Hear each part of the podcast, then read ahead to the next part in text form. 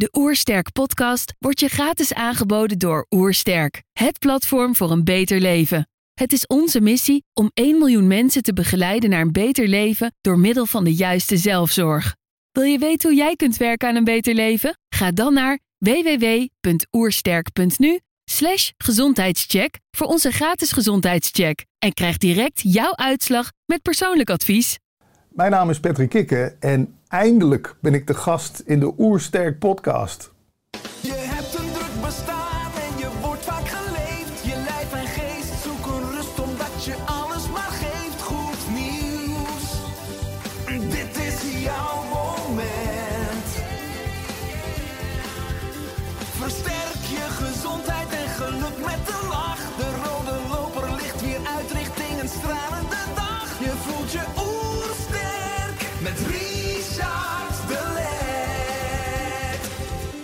Zijn hier in Heemskerk voor een podcast met Patrick Kikker.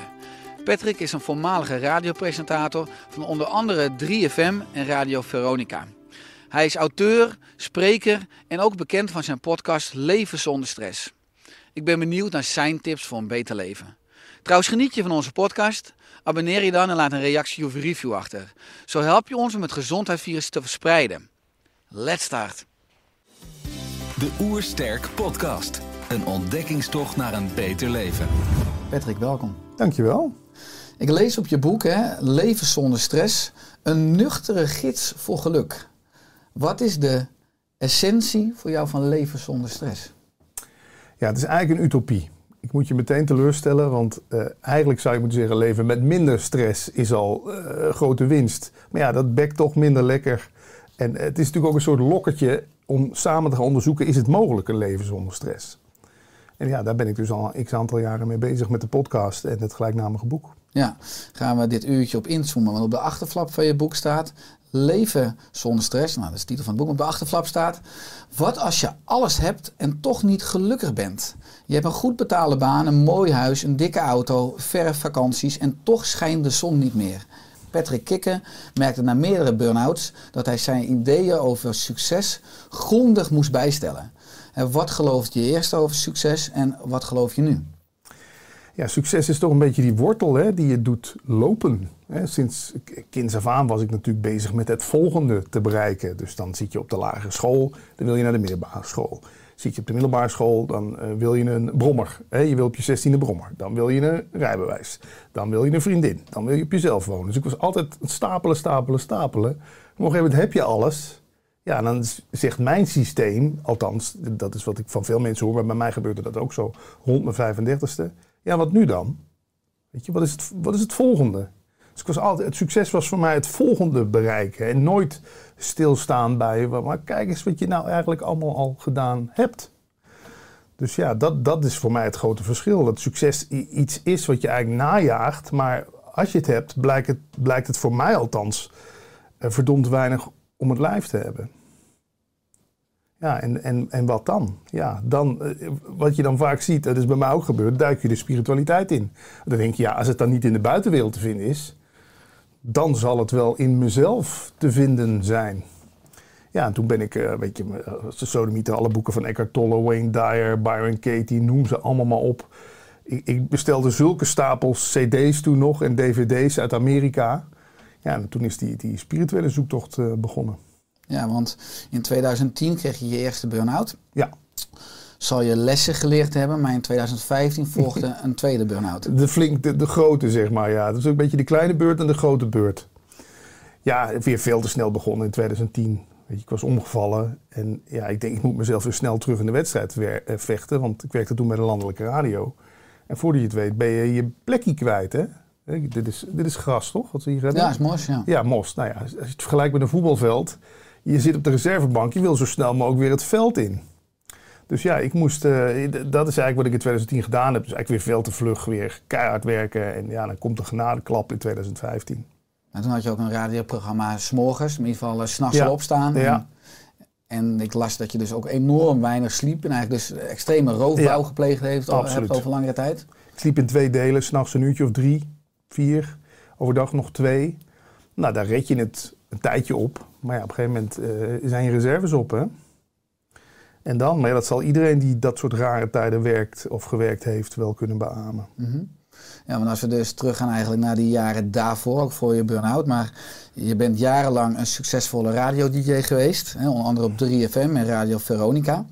Ook reisde je jaren, wat ik zag, met een drive-in show. Hè, onder andere van de Tros, hè, Ja, door het land. Hoe kijk je terug op deze jaren en al die ervaringen?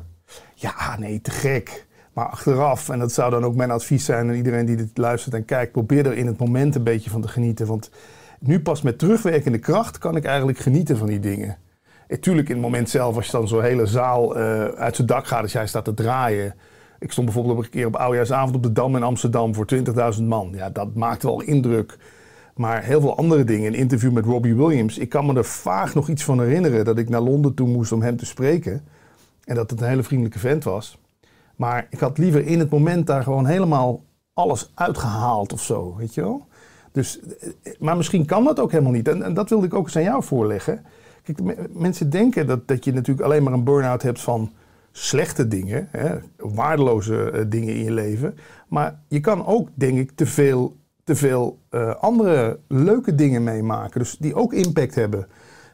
Bij mij was het op een gegeven moment, eh, ik denk andere mensen maken dingen mee in een jaar, wat ik in een maand tijd meemaakte. Weet je wel? Dan weer een interview daar, dan weer in het vliegtuig naar Miami, Gloria Estefan interviewen. Dan weer draaien, dan weer radioprogramma, Lenny Kravitz in de studio. Ja, weet je wel, dat moet ook verwerkt worden, toch? In een, in een systeem? Of hoe zie jij dat? Ja, nee, absoluut. Als je alleen maar pieken hebt, dan kan het ook afvlakken of als dat je norm wordt. En nou, als je kijkt naar eh, onze hormonen, bij stress maken we cortisol aan, adrenaline aan. Eh, ook vooral dopamine in de hersenen. Maar dopamine is een beetje net als succes. Je wil iets, je hebt het en het glijdt als water door je handen en je wil het volgen. Dat is eigenlijk dopamine. Dat is net als een, een dropje nemen Ja. of een chipje nemen. Een kick. Ja, Ja. en langdurig geluk hangt in de hersenen veel meer samen met endorfine.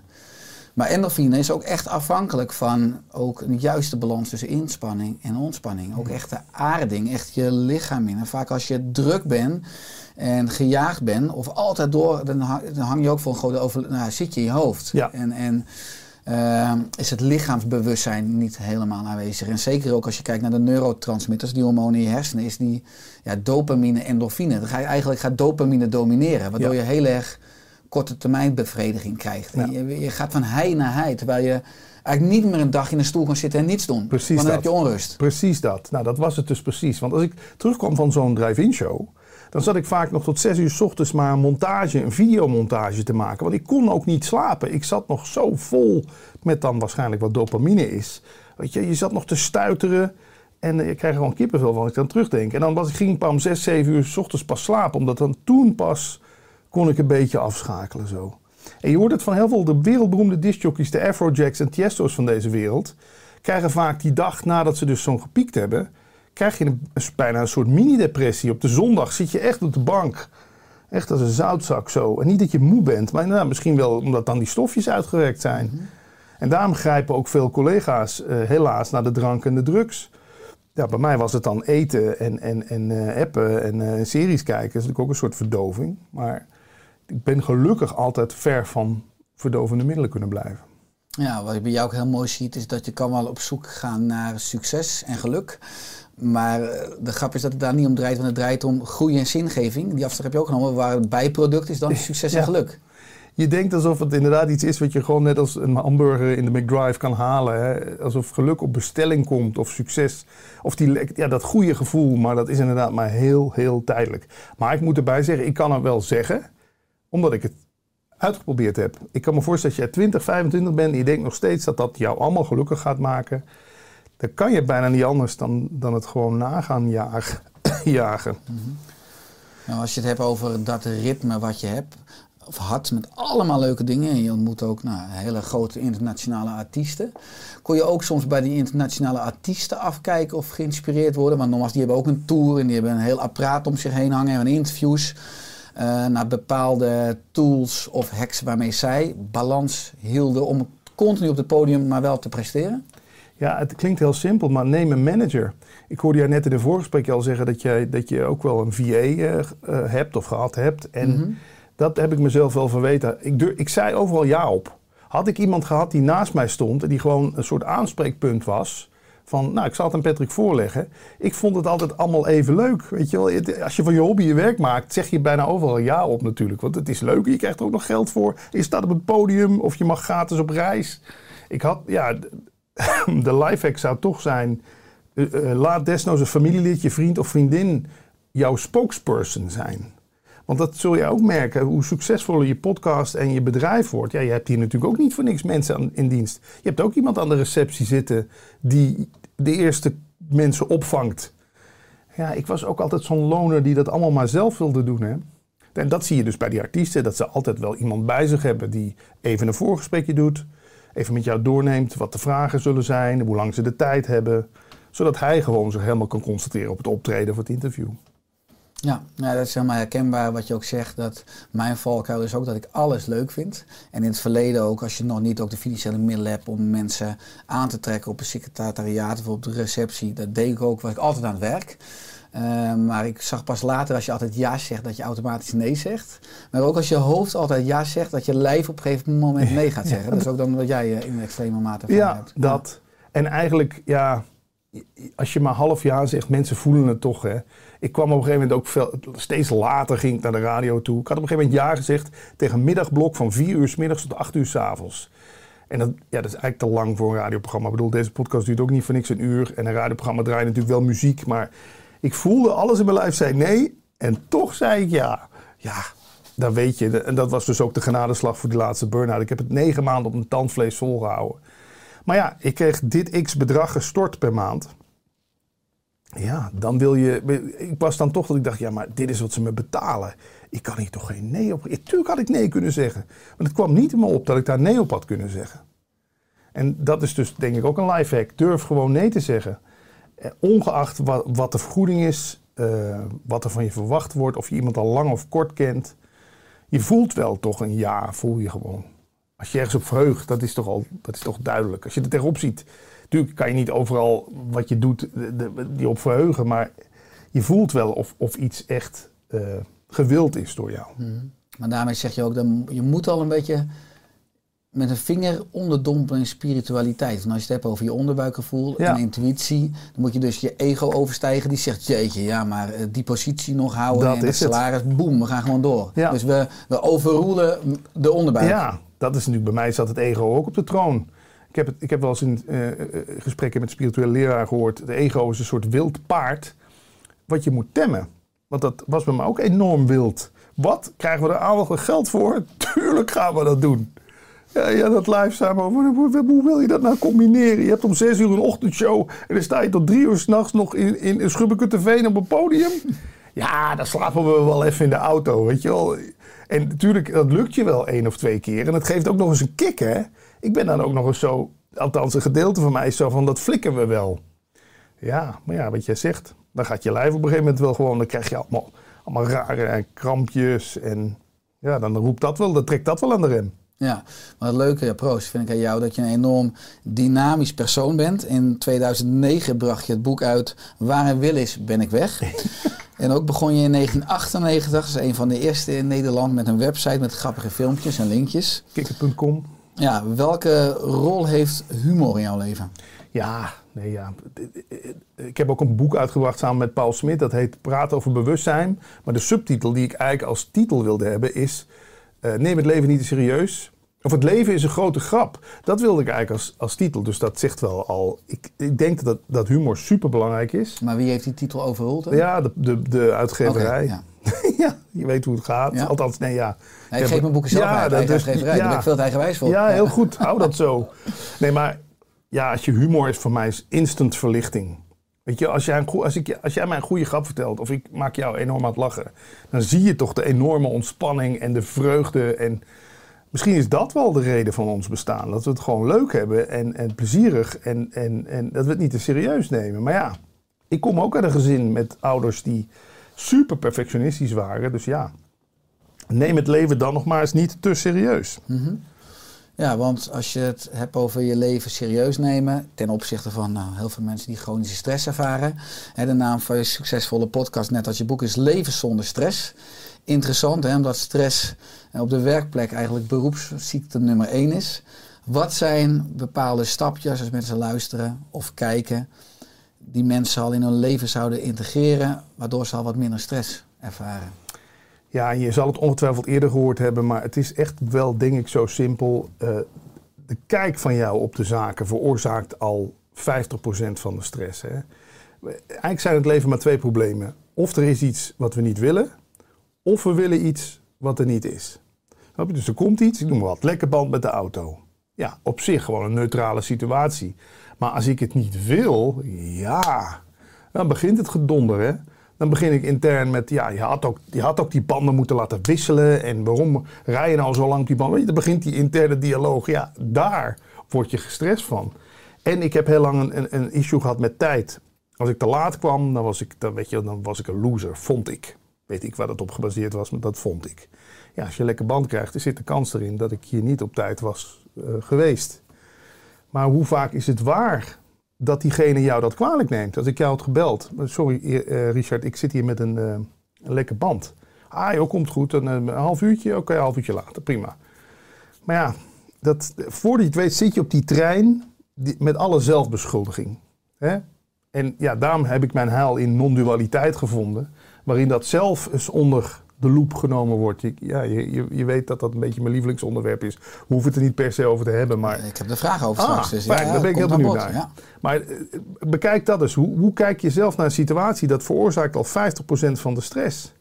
Want een lekker band is gewoon een lekker band. Is neutraal. Is net, ja, de- we plakken er zelf allemaal goed en slecht op. Of dit had niet mogen gebeuren. Ik heb mijn moeder vroeger ook zo vaak horen zeggen. Dat had toch niet mogen gebeuren? Ja, maar wie had dat kunnen voorkomen dan? Dat is, dingen zijn toch niet te voorkomen? Ja, sommige dingen kun je rationeel een beetje... Je hebt dit ook voorbereid, dit interview. Maar je kan niet eh, voorkomen dat ik hier nou... Als stel, ik krijg over een kwartier in dit gesprek een hartaanval. Ik ben in goede handen. Ik ben een goede hand. dat is één geluk. Maar dat had jij niet kunnen voorkomen. Ik had het ook niet kunnen voorkomen. Kunnen mensen zeggen, ja, dan had je eens wat minder naar McDonald's moeten gaan. Daar hebben we het nu even niet over. Maar in principe, de dingen gebeuren gewoon. Wij komen er later bij met ons beoordelingsvermogen of het wel of niet had mogen gebeuren. En dat is stresserend. Ja, want na je tweede burn-out ging je dus meer op zoek naar antwoorden in jezelf. Je zegt eh, spiritualiteit. Enorm veel boeken hè, die je kocht en cd's die je nou beluisterde. Eh, maar daar bleef het niet bij, bij. Maar toch had je ook een intrinsieke aandrang om, nou ja, sinds 2011, om spirituele leraren, psychologen, eh, nou, inspirerende dwarsdenkers te gaan interviewen. Ja. Inmiddels al meer dan 500. Ja, bizar hè? Waarom nam je ook die afslag? Ja, is, is er een waarom? Ik, ik, ja, ik denk ook een soort honger. Ik bedoel, ik, eh, op lagere school was ik meestal... Ja, ik was altijd de beste van de klas. Dan kun je zeggen, ja, ha, leuk voor je. Maar die hersenpan wil gevoed worden. En bij de radio kan je maar tot hier groeien. hè. Ik bedoel, ja, plaatjes aan en afkondigen, Lenny Kravitz interviewen. Op een gegeven moment heb je dat wel gezien. Dus er was ook een honger in mij om een soort kennis te vergaren. En ja, ik weet dat mijn, de vader van mijn vader, mijn opa, die ik nooit gekend heb... die studeerde al theologie. Dus die, wilde, die, was, al, die was al op zoek. Dus in mij is gewoon ook een zoeker geboren. Die, nu wil ik eens weten hoe het echt zit. Want jullie vertellen me allemaal wel dat ik overal verantwoordelijk voor ben. En dat, dat, dat alles op het aardse zich afspeelt en er is nergens anders iets te vinden. Maar laten we dat nou eens zelf uitvinden. Ja, dan op een gegeven moment wordt, je daar een soort, wordt er een soort vuurtje in je aangestoken. Ja, en dan, ik luisterde eerst eh, eh, opnames MP3's van Deepak Chopra, Wayne Dyer, je kent ze allemaal wel. Ja, en dat bracht mij op een plek van binnen waar het gewoon, ja, waar het gewoon rustig en stil was of zo. Ja, en, dat, en daar proef je dan wat. En dan wil je daar weer meer van natuurlijk. Alsof je een heel lekker drankje geproefd hebt. En dat je denkt, oh, maar dit, dit is volgens mij waar het om gaat. Ja, dan ga je dat, dan ga je dat, dan word je een spirituele zoeker.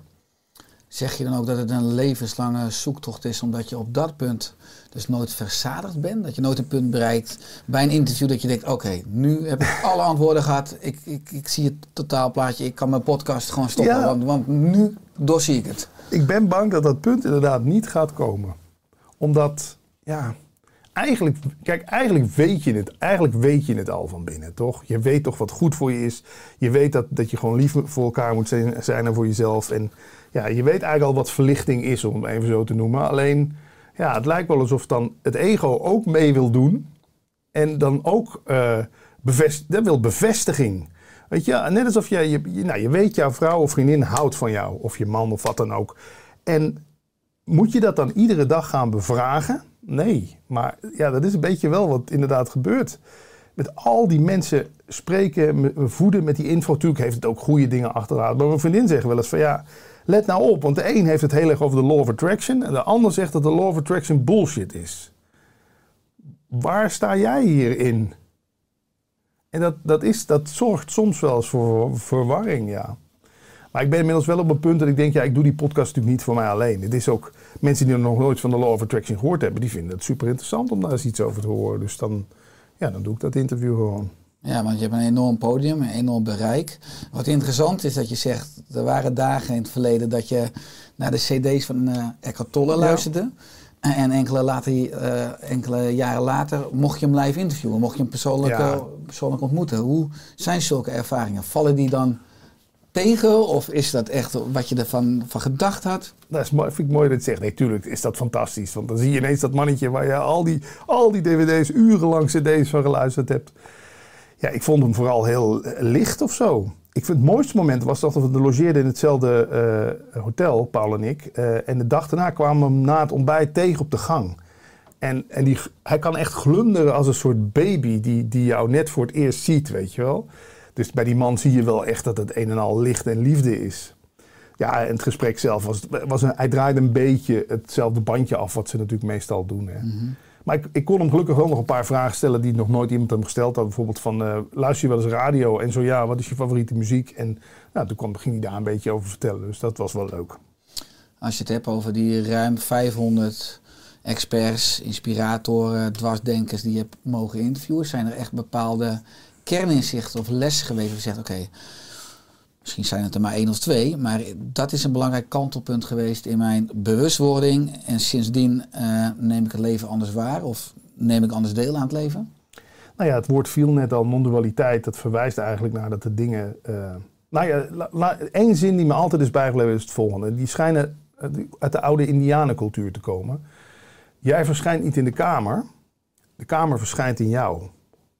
En toen ik dat hoorde, dacht ik... Wauw, zo kan je natuurlijk ook naar de wereld kijken. Ik ben de hele tijd maar bezig met dit popje, poppetje... wat in een kamer komt, dadelijk in een auto stapt... Maar op een bepaald niveau verschijnt dit ook allemaal in mij. Nu verschijnt hier Richard, de Oersterk Studio, de podcast, iets te drinken. En straks verschijnt weer mijn huis. En straks verschijnt weer eh, eh, een snelweg. En als je dus een soort kan uitzoomen, hè, een soort van, dat je, alsof je een, een soort verrekijker hebt waarmee je hier naar dit, deze voorstelling aan het kijken bent. Ja, dat als je dat vaker toepast, dan, dan merk je wel wat voor een rust dat geeft. Omdat je namelijk dan een soort het persoonlijke eruit trekt. Het is één verschijning. Het draait hier nu dus niet alleen maar om Patrick, poppetje. Maar jij bent net zo belangrijk dan ik. En die plant en alles, is, want alles verschijnt in mij. Ja, en dat, vanuit dat startpunt ben ik gaan onderzoeken. Ja, als die oude Indianen dat zeiden, wie, wie, wie zegt dat dan nog meer? En het grappige aan de Indianen is ook, die zeggen niet van, ik heb, die hebben geen woord voor- het woord ik, hè. Die zeggen, we hebben dorst. Dus als er, als er iemand, als dan krijgt iedereen te drinken. Ja, en dat vond ik zo, ja, ik weet niet, dat geeft mij zo'n heerlijk gevoel. Het is één collectief Ja, veld. ja. En We zijn zo geïndividualiseerd, om maar weer eens een moeilijk woord te gebruiken. Ik denk dat daar ook wel een groot deel van stress en verdriet en, en depressie en angst vandaan komt. Dat we allemaal in onze hokjes wonen.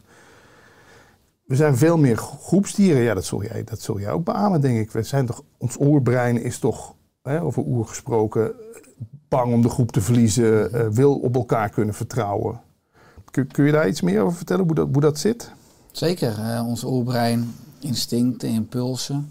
Natuurlijk belangrijk dat je bij de groep blijft. Hè, want als je verstoten werd, enerzijds lastig om aan voldoende eten, calorieën te komen, maar ook om je voor te planten, hè, Ja. uit overleven en voortplanten. Anderzijds natuurlijk ook echt gewoon eh, impulsen die eigenlijk ervoor zorgen dat we voldoende energie hebben. Dus ga nou eten als je kan eten en eet nou wat extra. We weten niet hoeveel energie de volgende week is. Blijf nou zitten, hè, want dat is ook energie sparen. Dus zoveel mogelijk energie naar binnen via voeding. Zo weinig mogelijk energie eh, spenderen met beweging. Dus netto zoveel mogelijk energie behouden voor je overleving. En een enorme gevoeligheid vanuit oerbrein voor prikkels. In een eigenlijk prikkelarme savanne. Maar de prikkels die er waren, een roofdier, een blok dat de berg af kon rollen, die konden je potentieel doden. Dus je ziet dat die instincten, die impulsen, vermaakt worden nu door allerlei industrieën in die nou, maatschappelijke ruimte. En, en dat mensbrein, inderdaad, met het mensbrein word je veel met de, de, de observer, de waarnemer. Uh, word je bewust dat er tussen stimulus en respons een ruimte is waar je niets hoeft te doen. Net als, hè, want als je dan wel hebt om daarop in te gaan over non-dualiteit en over gedachten die dus als wolken aan de zon gewoon weer verder drijven, is elke gedachte een illusie? Als we het hebben over non-dualiteit. Ik heb wel eens iemand horen zeggen, en daar kon ik wel wat mee, gedachten zijn eigenlijk de, uri- de urine van het brein. Dus een soort afvalproduct. En ik weet dat heel geleerde mensen het niet met me eens zullen zijn, maar wij nemen gedachten natuurlijk veel te serieus.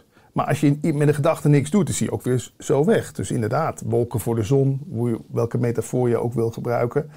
Ik, ja, ik probeer een onderscheid te maken tussen functionele gedachten en piekergedachten. En ja, piekergedachten, dat, als je daar dus niet mee oplet, dan is hetzelfde als een vlek. Als je gaat zitten wrijven, is het zo'n vlek.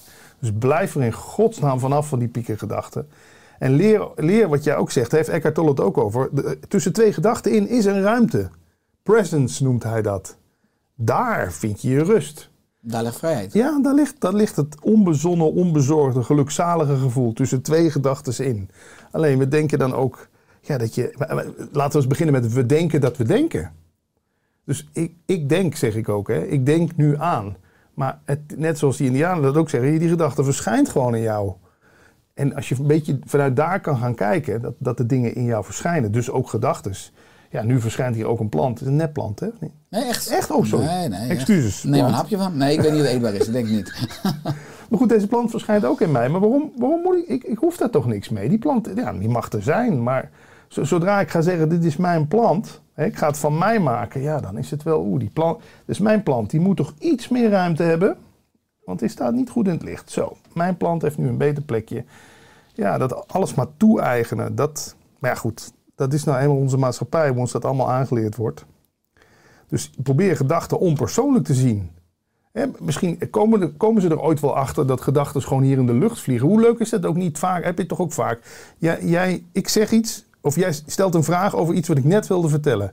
Hoe kan dat? Dat bleek dus, dat hing blijkbaar al in de lucht. Jij inter- interviewt ook veel, ik ook voor de podcast. En ik merk soms echt, op een gegeven moment komt het op gang. Het wordt een soort synergie. Ik hoef helemaal niet meer na te denken welke vraag ik moet stellen, want het komt gewoon op. Kun je gewoon uit het veld halen. Ja, ja. Uit, uit het, het veld, ja. En wat is dat dan, het veld? Ja, iets onpersoonlijks in ieder geval. Maar het is enorm interessant als je het hebt over eh, wat je vertelt, het stukje wijsheid. Maar is het niet maatschappelijk een enorm gemiste kans dat we op zoek gaan naar deze informatie, kennis en wijsheid als we extreem uit balans zijn, als we ziek zijn, als we een burn-out hebben? En dat we dit ook al niet prikkelen en voeden en trainen en stimuleren eigenlijk bij onze kinderen. Nee. Of, of nou is op de basisschool of in een maatschappelijk leefstijlcentrum, wat er niet is. Maar dus eh, hoe kan het dat we, dat we bijna nog vanuit het fabriekstijdperk onze maatschappij nog Ja. inrichten? En waar eigenlijk al deze essentiële aspecten waar Ja. het uiteindelijk om draait, totaal niet aan bod komen.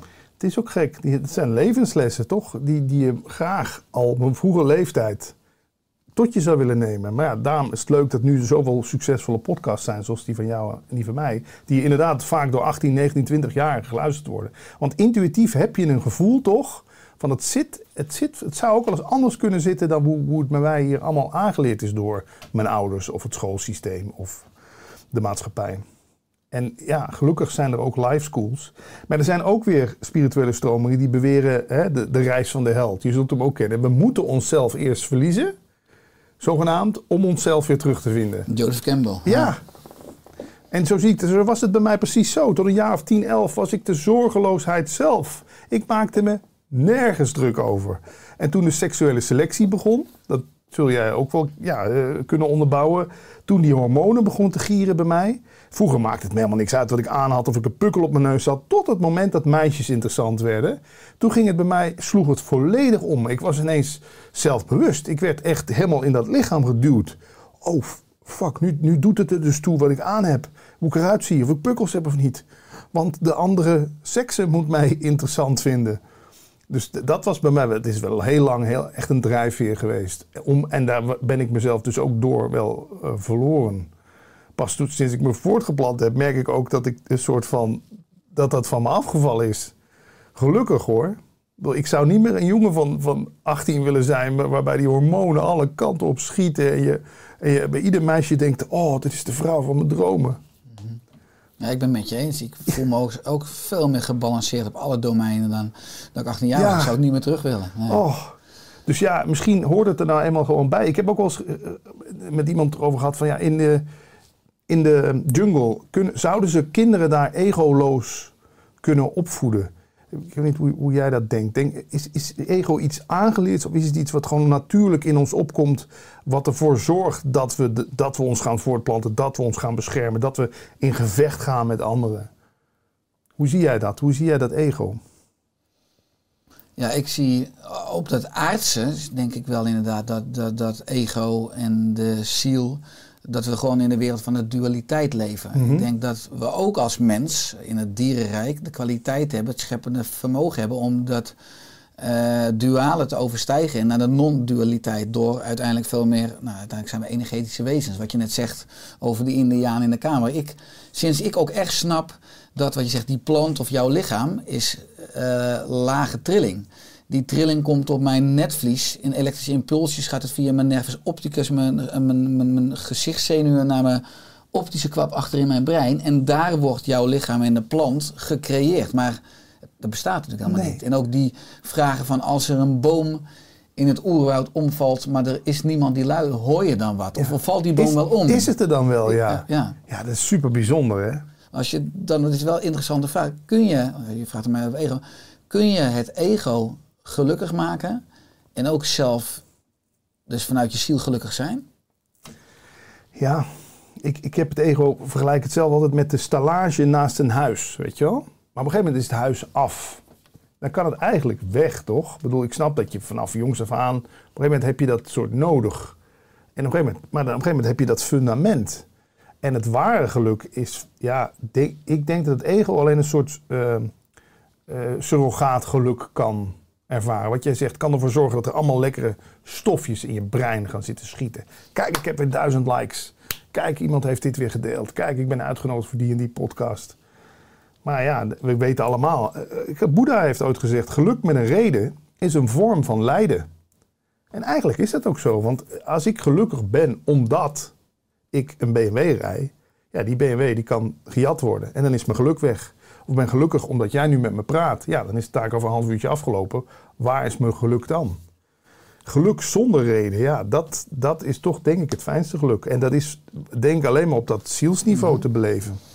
Maar waarom heeft, weer waarom vraag, maar hoe komt het dat de evolutie eh, niet een aangeboord mechanisme in de mens heeft gebracht naar verlichting? Dat heel veel mensen dus eerst het lijden Ja, ja. ervaren, voordat ze enigszins, en dat gevaar is ook dat heel veel mensen een, een goed leven hebben, hè, wat eigenlijk de grootste blokkade is, namelijk nog beter of, een, of een verlicht leven. En daardoor eh, nou, bijna ook genoegen nemen met een maatschappelijke bubbel qua wat succes is en wat geluk is. Dat is het, hè. Die gouden kooi is dan net nog comfortabel genoeg om niet te gaan denken, ja, maar het blijft een kooi. Hè? We zitten nu met z'n allen inderdaad een beetje in, in die conceptuele gevangenis. Ja, uiteindelijk denk ik wel dat het... Kijk, dat zei Eckhart Tolle toen ook in dat interview. Dat is me altijd bijgebleven. Misschien is de wereld wel bedoeld om jou zo te frustreren... zodat je de weg naar huis weer gaat zoeken. Weet je wel? En daardoor gebeuren misschien ook gewoon dat soort dingen. eh, Van die, van die, dat je op een gegeven moment denkt, ja, hè? Weet je, is dat weer en gaat dat weer over en die belt niet meer terug en die baan houdt op. Ja, wa- voor mij was zo'n burn-out ook gewoon eigenlijk een soort... Ja, een geschenk, ja, geschenk is misschien een groot woord, maar eh, een kans in ieder geval. Een kans om uit die kooi te breken. Die weer denkbeeldig is, maar goed, je zit toch voor je gevoel gevangen. En als je kijkt naar het pad wat je toen opging, boeken, cd's, interview, podcast, boek, heb je dan ook echt vandaag en afgelopen week, afgelopen maand ook veel minder stress? Dus pluk je de vruchten van de Ja, reis? jawel, absoluut. En ik, ben, ik merk het bijvoorbeeld ook aan hoe ik met mijn familie omga. Weet je. In, in, in die jachtige jaren van de radio had ik met mijn moeder en vader echt niet zo goed contact. Als ik er was, hadden we vaak ruzie. Eh, mijn broer had ik een, een rare verstand aan, maar heeft zich allemaal verbeterd. daar, daaruit, ik vind uit je relaties kun je eigenlijk al veel afleiden, toch? Ik bedoel, hoe ga je met anderen om? Dat merk je natuurlijk in de spirituele wereld ook wel. Je kan zoveel boeken hebben gelezen, maar als jij nog steeds bij de eerste, de beste, die met zijn karretje in de supermarkt tegen je schenen aanrijdt, helemaal ontploft. Ja, waar ben je dan met je, met je spiritualiteit en met je. Snap je een beetje wat ik bedoel? Dus eh, ik merk wel dat ik, dat ik. Het is met vallen en opstaan, maar ook al word ik boos, is er niet weer iemand in mij. en Die is, dat stemmetje is er wel, maar dat geloof ik niet meer. Wat dan weer zegt: je mag niet boos worden. Snap je wat ik bedoel? De- bij mij, ik had heel veel schuld. En die hele rugzak met schuld is wel. Ja, die heb ik wel af kunnen doen. Ja, dus het loopt een stuk lichter, letterlijk. Ja, letterlijk ja. Ja, want het interessante is dat ik in je boek las dat je veel stress kunt ervaren als je altijd eerlijk bent. Nou, een logische vraag die daaruit voorkomt is natuurlijk, is het dan goed om af en toe te liegen? Ja, Of de waarheid creatief te verdraaien? Ja, dat is een goeie, hè? Ja, ik, ik, ik hou ook wel van eh, non-violent communication. Hè? Dus in principe ehm, met iemand het gevecht aangaan, alleen als het echt, echt nodig is.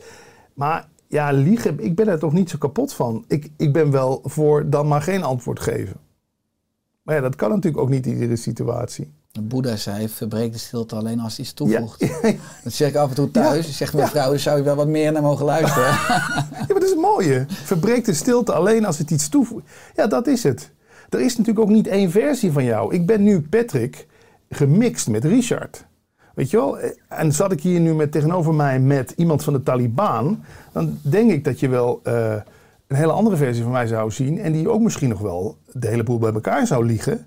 Omdat het dan anders onveilig voor mij werd. Weet je wel? Ja, wat dat betreft een leugentje om best wil. Ik ben ook niet zo in relaties en zo dat je alles maar aan elkaar moet vertellen. Als ik toch weet dat, dat ik daarmee onze relatie op het spel zet. Tegen jou zegt, ja Richard, ik moet even eerlijk zijn, maar ik heb net, ik heb net eh, die iPhone voor jou, je was hem kwijt hè. Ja, die, heb ik in mijn zak gestopt. Ik weet niet of dat dit gesprek ten goede gaat komen. Dan vertel ik het liever na afloop van het gesprek. Ja. Ja. ja, dus daarin gaat het ook om...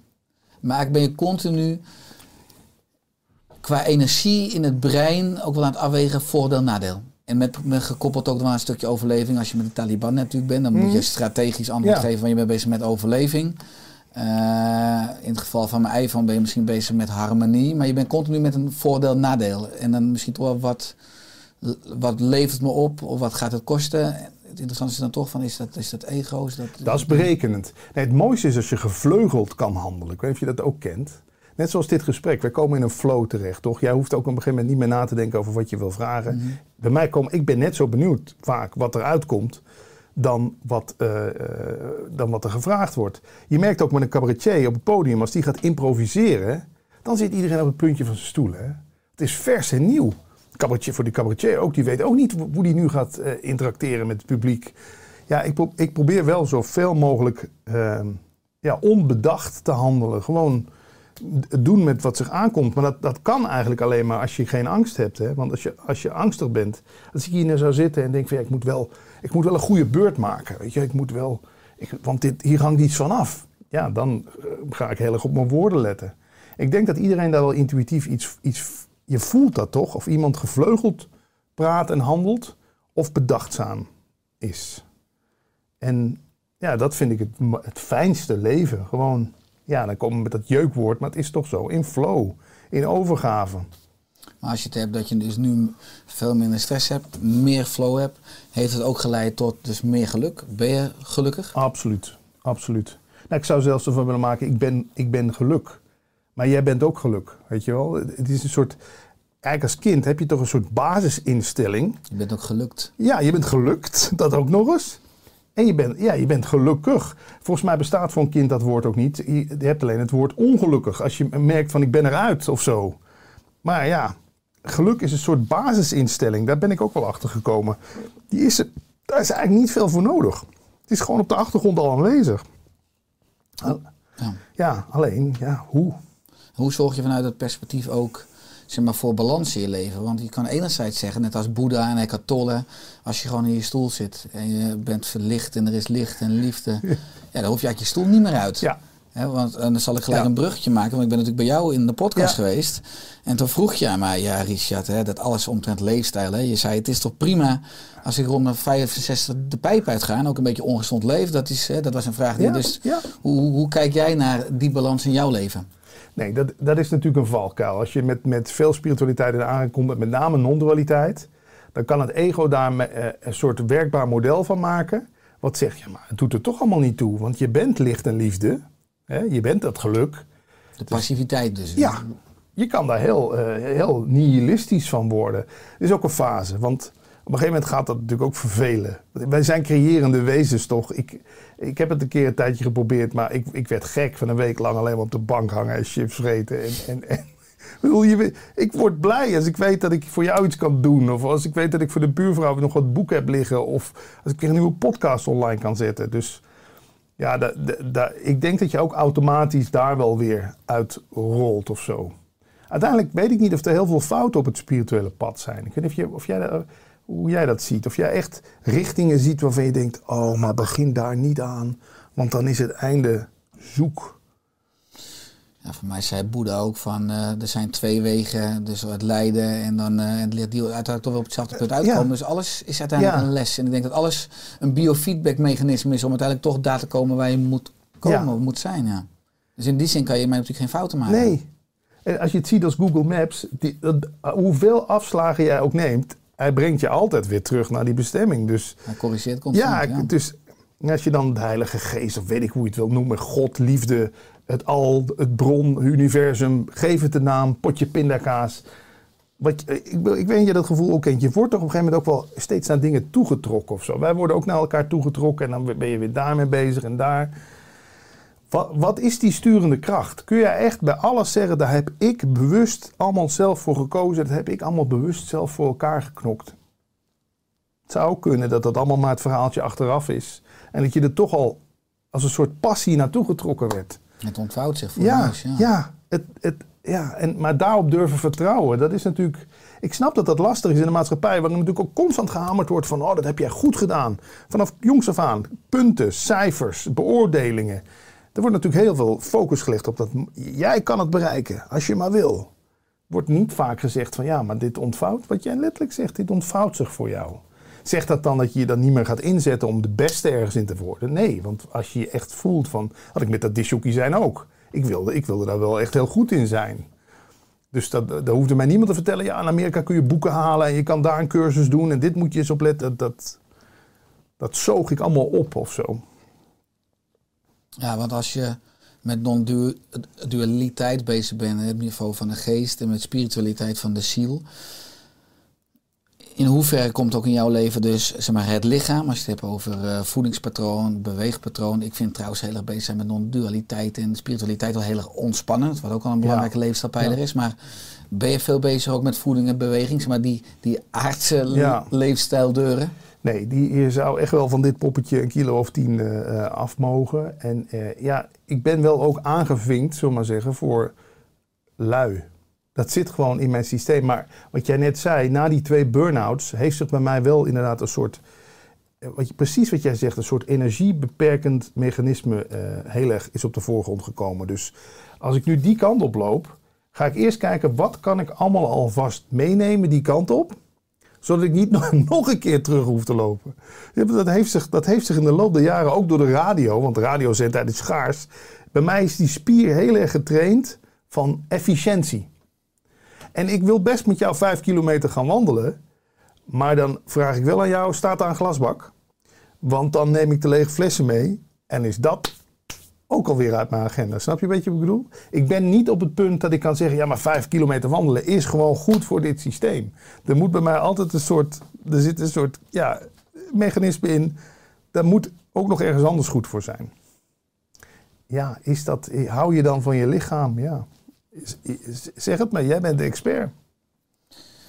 Nou, het interessante is wel dat je ziet waar je veel van houdt, weer goed voor zorgen. Dus uiteindelijk is het natuurlijk wel zo als je veel meer op het spirituele vlak bezig bent, dat je je lichaam veel meer gaat zien als tempel Ja. en als omhulling, als bijna als voertuig waar je dit leven Ja, in reist, ja, dan zie je vaak dat mensen bewustere voedingskeuzes gaan maken. Eh, meer, nou, of het nou groente, fruit is, of plantaardig, of eh, alleen maar eh, biologisch vlees. Dat je je tempo zuiverder gaat voeden, dat je dan uiteindelijk een veel betere balans gaat in je hormonen, zowel in je lichaam als in je hersenen. Ja. Dat je dan automatisch al meer beweegneiging Ja. krijgt, of wordt aangetrokken of in beweging komt van binnenuit. Maar ja, om dat oerbrein eigenlijk voor ons te laten werken, is het essentieel dat we ja, bijna grapjes uithalen in onze werk- en leefomgeving. Ja. Het kopiëren praat heb ik echt een, een zo ver weg. Ik moet nog gewoon een heel stuk lopen. Ja. De waterkoker. Of ik heb in mijn kantoor ik had een hele luxe zwarte, er zat heerlijk zo'n stoel. Ik heb hem weggedaan. Ja. Omdat ik heb nu een standing desk. Maar als die stoel er stond en ik, kon ook wel staan, ik ging gewoon zitten. Dus ik heb grapjes uitgehaald dan hier bijvoorbeeld op kantoor. Om ervoor te zorgen dat ik met meer energie Ja. mijn dag doorkom. En ook wel een beetje wat ik propageer ook leef. Ja. Ja. Dat, ik, ik herken het tot een bepaald punt. Ik neem altijd de trap. Ik ga nooit in de lift. Niet, eh, niet ik hou op zich. Ik ben niet claustrofobisch, maar dat zie ik dan wel. Ik denk, ik moet toch naar die zesde verdieping. Dan maar de trap. Weet je wel. Ik keuze heb tussen de fiets en de auto, pak ik de fiets. Dus, eh, maar ik, ik heb van jou altijd onthouden. Je zegt, we moeten butsen, schrammen. Eh, dit lichaam moet aan het werk. Wondjes, ja. Ja, wondjes. Dit lichaam is, wordt veel te veel vertroeteld. Dus ja, da- daar heb ik, dat heb ik wel onthouden van mijn gesprek met jou. En ja, als je daar nog tips voor hebt, hoe... Kijk, eh, bijvoorbeeld, eh, la- laatst las ik ergens, en dat ga ik echt wel doen van de winter. Althans, als we het nu opnemen, moet het nog winter worden. Maar eh, dan gaat die verwarming, die schijnt als je die op 17 zet... dan verlies je gewoon een kilo per maand of zo. Thermoregulatie. Ja. eigenlijk is het je schild die aan het werk zetten. En die schild die kan in de hangmat blijven als we altijd maar normothermisch heet dat. Dus in de zomer een airco 20 graden en in de winter een centrale verwarming 20 graden. En dat, dat maakt ons softies. Ja, Ja, Dat. En, en dat brengt eigenlijk ons hormoon al een beetje uit balans. Wat ik bij jou ook zei, van zorg voor wondjes. Het immuunsysteem hoort aan de buitenkant. En omdat we zo steriel, zo schoon leven... en eigenlijk dus te veel energie binnenkrijgen, ook in de vorm van vetcellen... gaat het immuunsysteem lopen klieren. En dat noem je dus eigenlijk... eh, ja, dus allemaal ontstekentjes krijg je in je vetcellen, in je organen... ook in je viscerale buikvet. En dat zorgt ervoor dat het immuunsysteem uitgeput raakt. Dat heet laaggradige ontsteking. En dat is eigenlijk de de rode loper naar westerse welvaartsziektes. En ook als je immuunsysteem overactief wordt, of als je gaat ontsteken, kan je brein, dat heet neuroinformatie, gaat ook meedoen. Dus als je het hebt over geluk, of over zingeving, of antidepressiviteit effect, dan kan alleen maar in je stoel zitten en de verkeerde dingen eten ook ervoor zorgen dat je de zin van het leven veel minder ervaart. Ja. Want ook dat is allemaal met elkaar verbonden. Ja.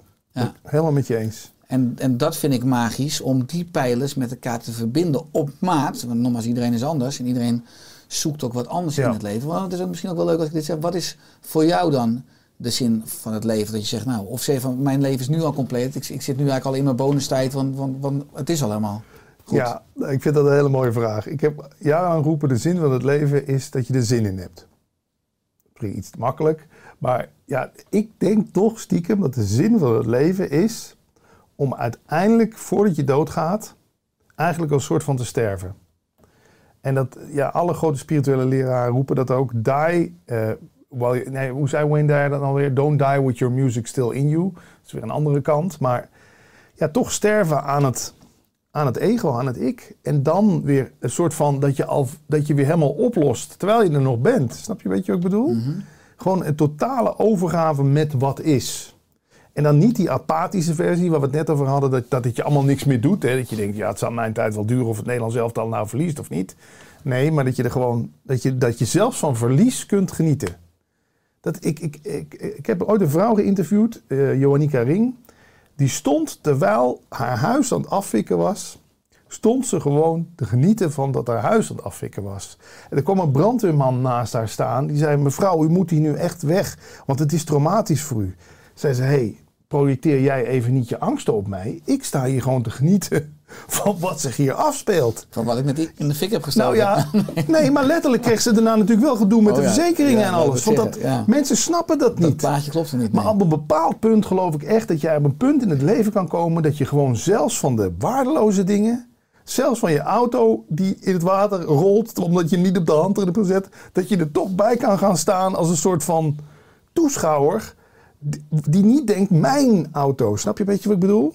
En natuurlijk kan je dat weer helemaal doorvoeren. Ja, maar wat dan als je iemand aanrijdt, dan ga je er toch ook niet bij staan. Zo, heb jij, eh, ligt je been eraf. tuurlijk. Maar toch iets in ons herkent dat. Dat we gewoon aanwezig zijn bij wat zich afspeelt. Een beetje als de vergelijking in non-dualiteit. Je, ehm, je hebt een film. En je zit in de bioscoopzaal. Je weet dat het niet echt is. Je, je geniet er helemaal van mee. Maar je weet, die film dat wordt geprojecteerd op een, op een doek. Dit is iets wat zich afspeelt in mij. En ja, voor mij is, is denk ik de zoektocht van iedereen is weer terug naar die onbezorgde staat die we de eerste drie jaar van ons leven ervaren hebben. Toen we nog niet in het lichaam gedwongen werden. Toen we nog niet voor alles afgerekend werden. Weet je, als een kind van twee iets omgooit, dan is het gewoon van, ah ja, daar kan hij niks aan doen. Hè? Maar vanaf een jaar, tweeënhalf of drie, dan moet een kind beter weten. Een, een kind zegt ook niet, eh, ik heb honger. Een, een jong kind zegt, "Ja, Jantje heeft honger. Heeft nog helemaal geen idee dat dit zijn handjes zijn. En is gewoon helemaal verwonderd van alles. En ja, op een gegeven moment komt dan dat punt dat we dus inderdaad verantwoordelijk gehouden worden voor alles wat we doen. En volgens mij zoeken we naar die onbezorgde staat van die eerste paar jaar. Zoeken we die weer terug. En dan niet dan weer onze luier vol te scheiden. Alhoewel dat natuurlijk het bejaardenhuis wel gebeurt. Maar eh, toch iets daarvan weer terug te vinden. Daarom gaan we toch ook graag naar festivals, weet je wel. Dan kunnen we even helemaal weer onszelf zijn. Opgaan in de menigte, in de muziek. Dat ik-jasje van de kapstok, ik mag gewoon weer lekker vrij bewegen en doen. En zijn. Om in die onbezochte staat te blijven, is het daarom ook een advies, wat ik teruglees in je boek, om het journaal te vermijden? Ja, kijk, het ego zoekt natuurlijk de hele tijd naar pijn, confrontatie. Eckhart Tolle heeft het zelfs over een pijnlichaam wat we in ons hebben. Hè? Een soort negatieve wolkenergie. Die wil gevoed worden, weet je. Die wil eh, conflict zien. Die wil horrorfilms zien waarin mensen bloed en, en oorlog. En ja, als ik merk, ik weet niet, zul je ook. Als je je daar verre van houdt, je voedt je gewoon met mooie dingen. Dit soort podcasts, mooie films, documentaires. Dat dan op de een of andere manier dat pijnlichaam ook een soort van kleiner wordt. Osho zei het ook, die attachment to misery. We, we zijn iets in ons is verslaafd aan miserie, aan drama. En dat kun, ja, je kunt ervoor kiezen om dat niet tot je te nemen, toch? Nou, want ook iets moois, wat ik ook las in je boek, is een verzorgingshuis bezoeken. Wat je Ja. zegt, nee, ga gewoon eens met dan oudere mensen Ja. een gesprek aan. Want vaak is dat voor die mensen fantastisch. Normaal die zitten de hele dag veel te zitten en te Ja. kijken en te wachten. Eh, Ja, dat is maar daar zie je ook, de, natuurlijk ook de betrekkelijkheid. Want daar zit de, de, de oude directeur van een of ander groot bedrijf. En daar zit ook gewoon de man die zijn hele leven maar wat achter de lopende band heeft gewerkt. Dan zie je ook weer die gelijkheid terug. En ja, oudere mensen vind ik sowieso wel iets aan doen. Ja, dat heeft sowieso, ik herken daar wel weer een soort van mijn eigen wezen in of zo. Herken je dat ook? Je, wat je ook bij kleine kinderen hebt, dus zo'n klein babytje, dat is natuurlijk een en al licht en liefde. Vaak bij sommige oudere mensen zie je dat ook weer er doorheen stralen. Het laat ook echt zien hoe relatief tijd is. Hè? Hoe, hoe relatief je leven is Absoluut. aan tijd. Zo, dat zeggen mijn vader en moeder ook, het gaat zo snel. Ze zijn nu 70, 71. En ja, het gaat ook super snel, toch?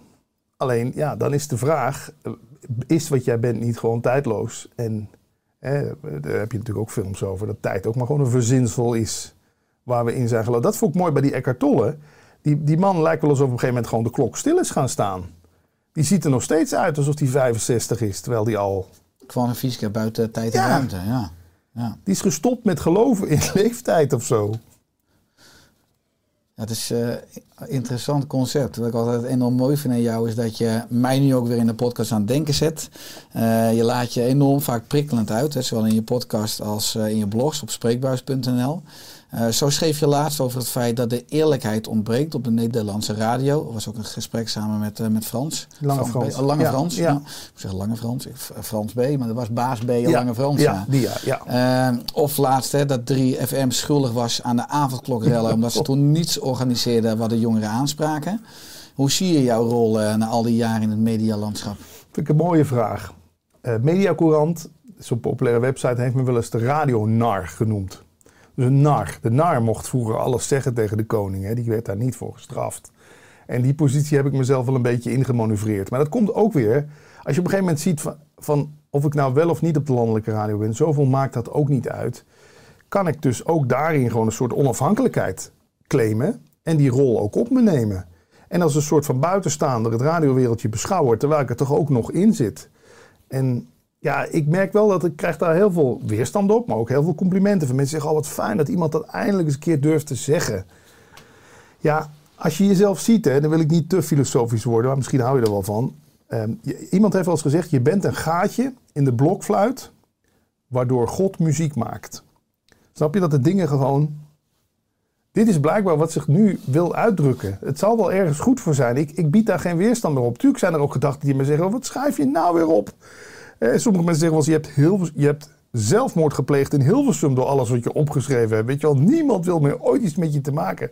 Maar dat is niet zo, want ik word nog steeds voor allerlei dingen uitgenodigd en gevraagd. Laatst nog door een omroep, Rob Stenders wilde me terug bij Veronica hebben. Die, die eerlijkheid, op de een of andere manier eh, vinden mensen dat ook wel weer eh, prettig. Want in Hilversum wordt er heel veel achter de rug om gezegd. Ah, die is kloten, dat is niks, dit moet veranderen. Maar als je iemand in het gezicht... Ik vind het fantastisch wat je doet. Nou, En als de camera en de microfoon ja, ja, aanstaat. ja, oh, toppie. Nee, ja, schrijf het maar eens op. En dan vooral met je eigen naam eronder. En kijk maar eens wat het doet. Het, he- ik heb dit eigenlijk geleerd van een man die mij eh, in het stoïcisme heeft geïntroduceerd. En daar ben ik dat eigenlijk een beetje van afgekeken. Die zei, wat deden, wat deden ze vroeger in de oudheid? Dan gingen ze gewoon naakt op straat lopen. Om te chockeren? Nee, om aan zichzelf te bewijzen dat je daar, daar ga je niet dood aan. Je moet even door die schaamte heen. Je, moet even, eh, je krijgt natuurlijk van alle kanten kritiek. En, en, maar daarmee bewijs je een enorme dienst aan jezelf. Want je laat zien, ik kan dit aan. Weet je, ik durf bijvoorbeeld ook nooit naar de sauna toe. En dat was ook iets stoms door mijn ouders, die heel preuts waren. En op een gegeven moment ben ik daar gewoon doorheen gegaan. Gewoon naar de sauna, gewoon naakt, klaar. Nou, dat was voor mij een overwinning. Voor mij zijn die columns ook een soort overwinning... in dat ik dacht dat ik me altijd in moest houden. Ik dacht dat ik me met iedereen te vriend moest houden. Nee, ga, ga het maar eens aan, het gevecht. Durf, en dat vind ik ook mooi aan mensen zoals jij... en, en andere mensen die zich ook in, in, de coronakwestie durven uitspreken... Dat, eh, dat, daarmee toon je ook een bepaalde onafhankelijkheid. En laat je ook zien, ja, wat jij ervan vindt. Dit is wat ik vind. Hier sta ik voor. Ik ga niet met jou mee zitten lullen om maar mijn baantje of mijn bedrijfje veilig te houden. En ja, ik denk dat mensen dat ook wel waarderen. Ja, er is ook een stuk authenticiteit. Dat je altijd je echte eigen stem durft te laten horen. Wat je waarschijnlijk in de medialandschap ook heel veel hebt. Dat mensen ook vastzitten aan belangen. Misschien ook wel aan inkomsten en aan hun brood. En dat ze uiteindelijk gekooid zijn dan ook weer dat ze Ja, buiten de camera of microfoon of zeg maar eh, privé eh, WhatsApp eh, zeg maar een, een eerlijke stem Ja. kunnen laten horen. En, en zich eigenlijk op de andere terrein een marionet zijn weer van. Ja. ja. ja, dat komt ook omdat John de Mol natuurlijk vier grote radiozenders heeft opgekocht. En de rest is onder, onder de NPO-vlag. Maar lang leven dit soort platforms waar je gewoon jezelf nog gewoon mag uiten. Onafhankelijk ook, ja. Ja. ja. Als je het hebt over de toekomst, in hoeverre de toekomst bestaat, hè, heb je nog dromen of missies? Ehm, nou, ik zit wel eens, ik krijg regelmatig vragen, wil je me niet eens coachen, zegt dan iemand. Ik weet ook niet hoe jij, doe jij één op één coaching of niet? Ik heb tot 2018, ik heb 12 jaar praktijk Ja. in de geneeskunde gehad. Inmiddels niet meer. Het lijkt mij namelijk zo lastig dat iemand een soort van een hele berg met shit bij jou over de schutting komt gooien. En hier, los het maar op voor me. Weet je wel, daarom vind ik ook mooi, jij lanceert programma's. Ik heb die podcast. Die podcast kan je luisteren, maar je kan hem ook niet luisteren. Het boek, je kan het lezen, je kan het niet lezen. Het is aan jou. Pak je het op? Ik, ik, ik heb zelf ook wel een tijdje psychologen versleten. En ik had ook het idee, ja, dan zit je daar met een kladblok. Ik mag anderhalf uur, en dan boekte ik altijd twee sessies achter elkaar. Ik mag anderhalf uur leeglopen. En dat lucht mij lekker op, maar we komen, we komen geen beat verder. Snap je wat ik bedoel?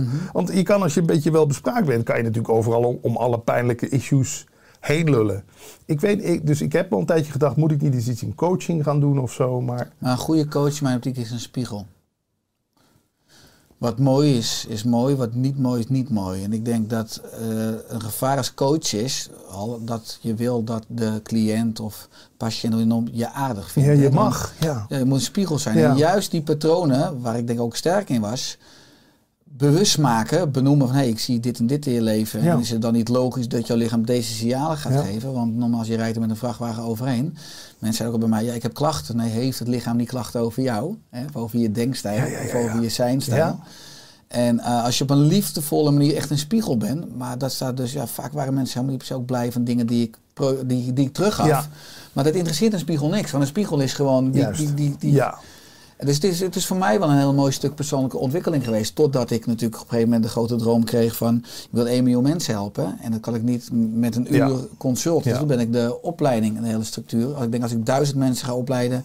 die ieder jaar duizend mensen kunnen helpen, dat is een miljoen. Dus, maar ik heb ruim 4000 patiënten, mensen.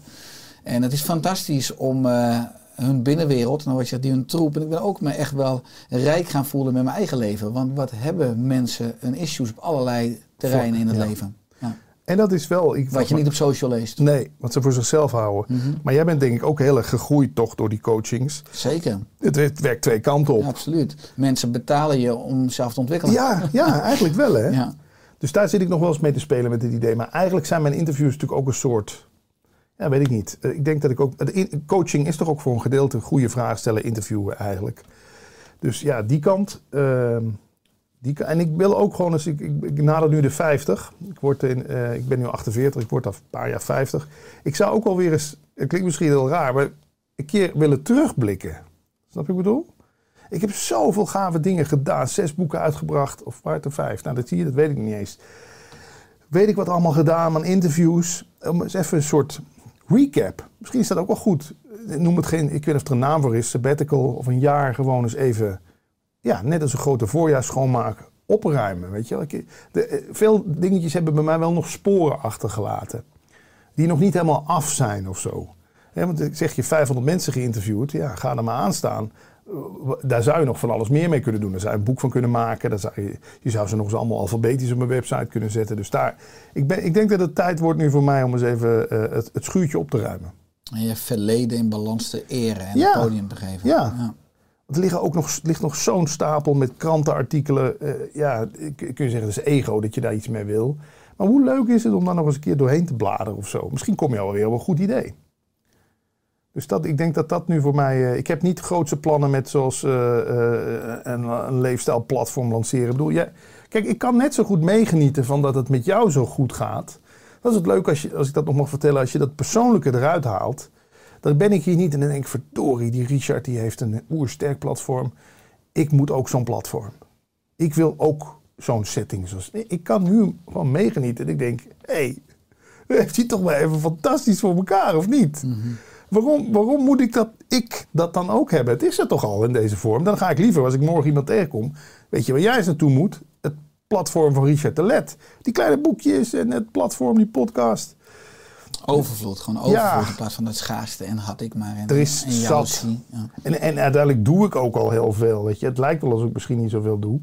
Maar ja, je hebt het goed eh, voorbereid. Maar die, die columns, daar moet je ook altijd wel weer inspiratie voor opdoen. Ik doe nog een radioheldenreeks met mensen uit de radiowereld.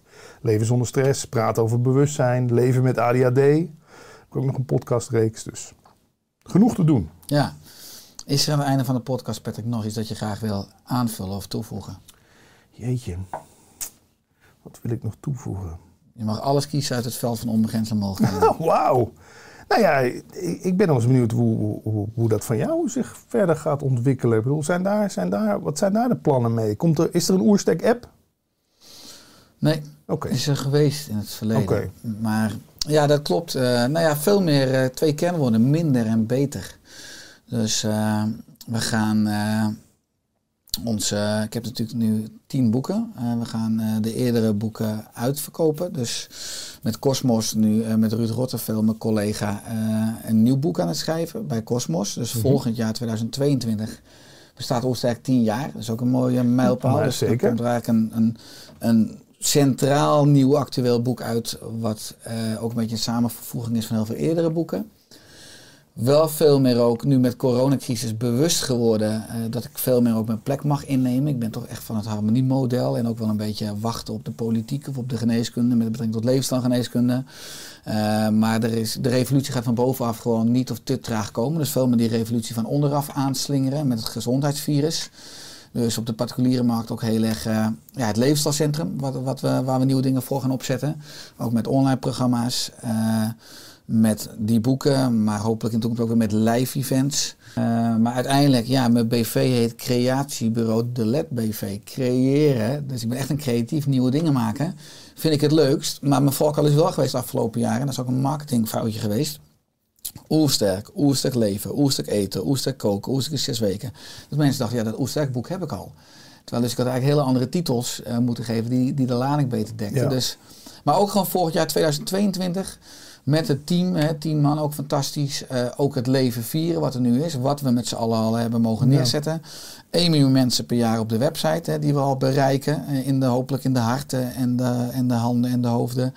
En, eh, maar wel echt durven kiezen. Dus nog meer eigenlijk nee zeggen. hè, Vanuit het perspectief hoe je, ja. wat je zei. Ik krijg zoveel, 3500 mails per maand krijgen we. Ja. Wat Esther en Annette ook allemaal filteren. En ja, uiteindelijk wel veel meer op die projecten instappen met Oersterk. Maar eventueel ook samenwerkingen waar mogelijk. Waarmee we uiteindelijk eh, ja, Nederland Oersterk kunnen krijgen. ja. Ja. Maar het leuke is eigenlijk gewoon vinden als je eens een aflevering luistert van Leven zonder stress. En met name die, die ik met jou gevoerd heb, die sluit hier mooi op aan. Eh, Dat is alweer een paar jaar terug. Maar als je Richard Talet opzoekt op eh, het podcastplatform, dan vind je ons gesprek andersom. Ja, had ik nog wat langere, wildere haren hè, bij jou. ja, ja, ja, dat je wilde dos. Ja. Patrick, dank voor je komst in de Oersterk podcast. ja. En eh, dat we samen ook nog maar bruggen mogen bouwen naar eh, een heel mooi leven zonder stress.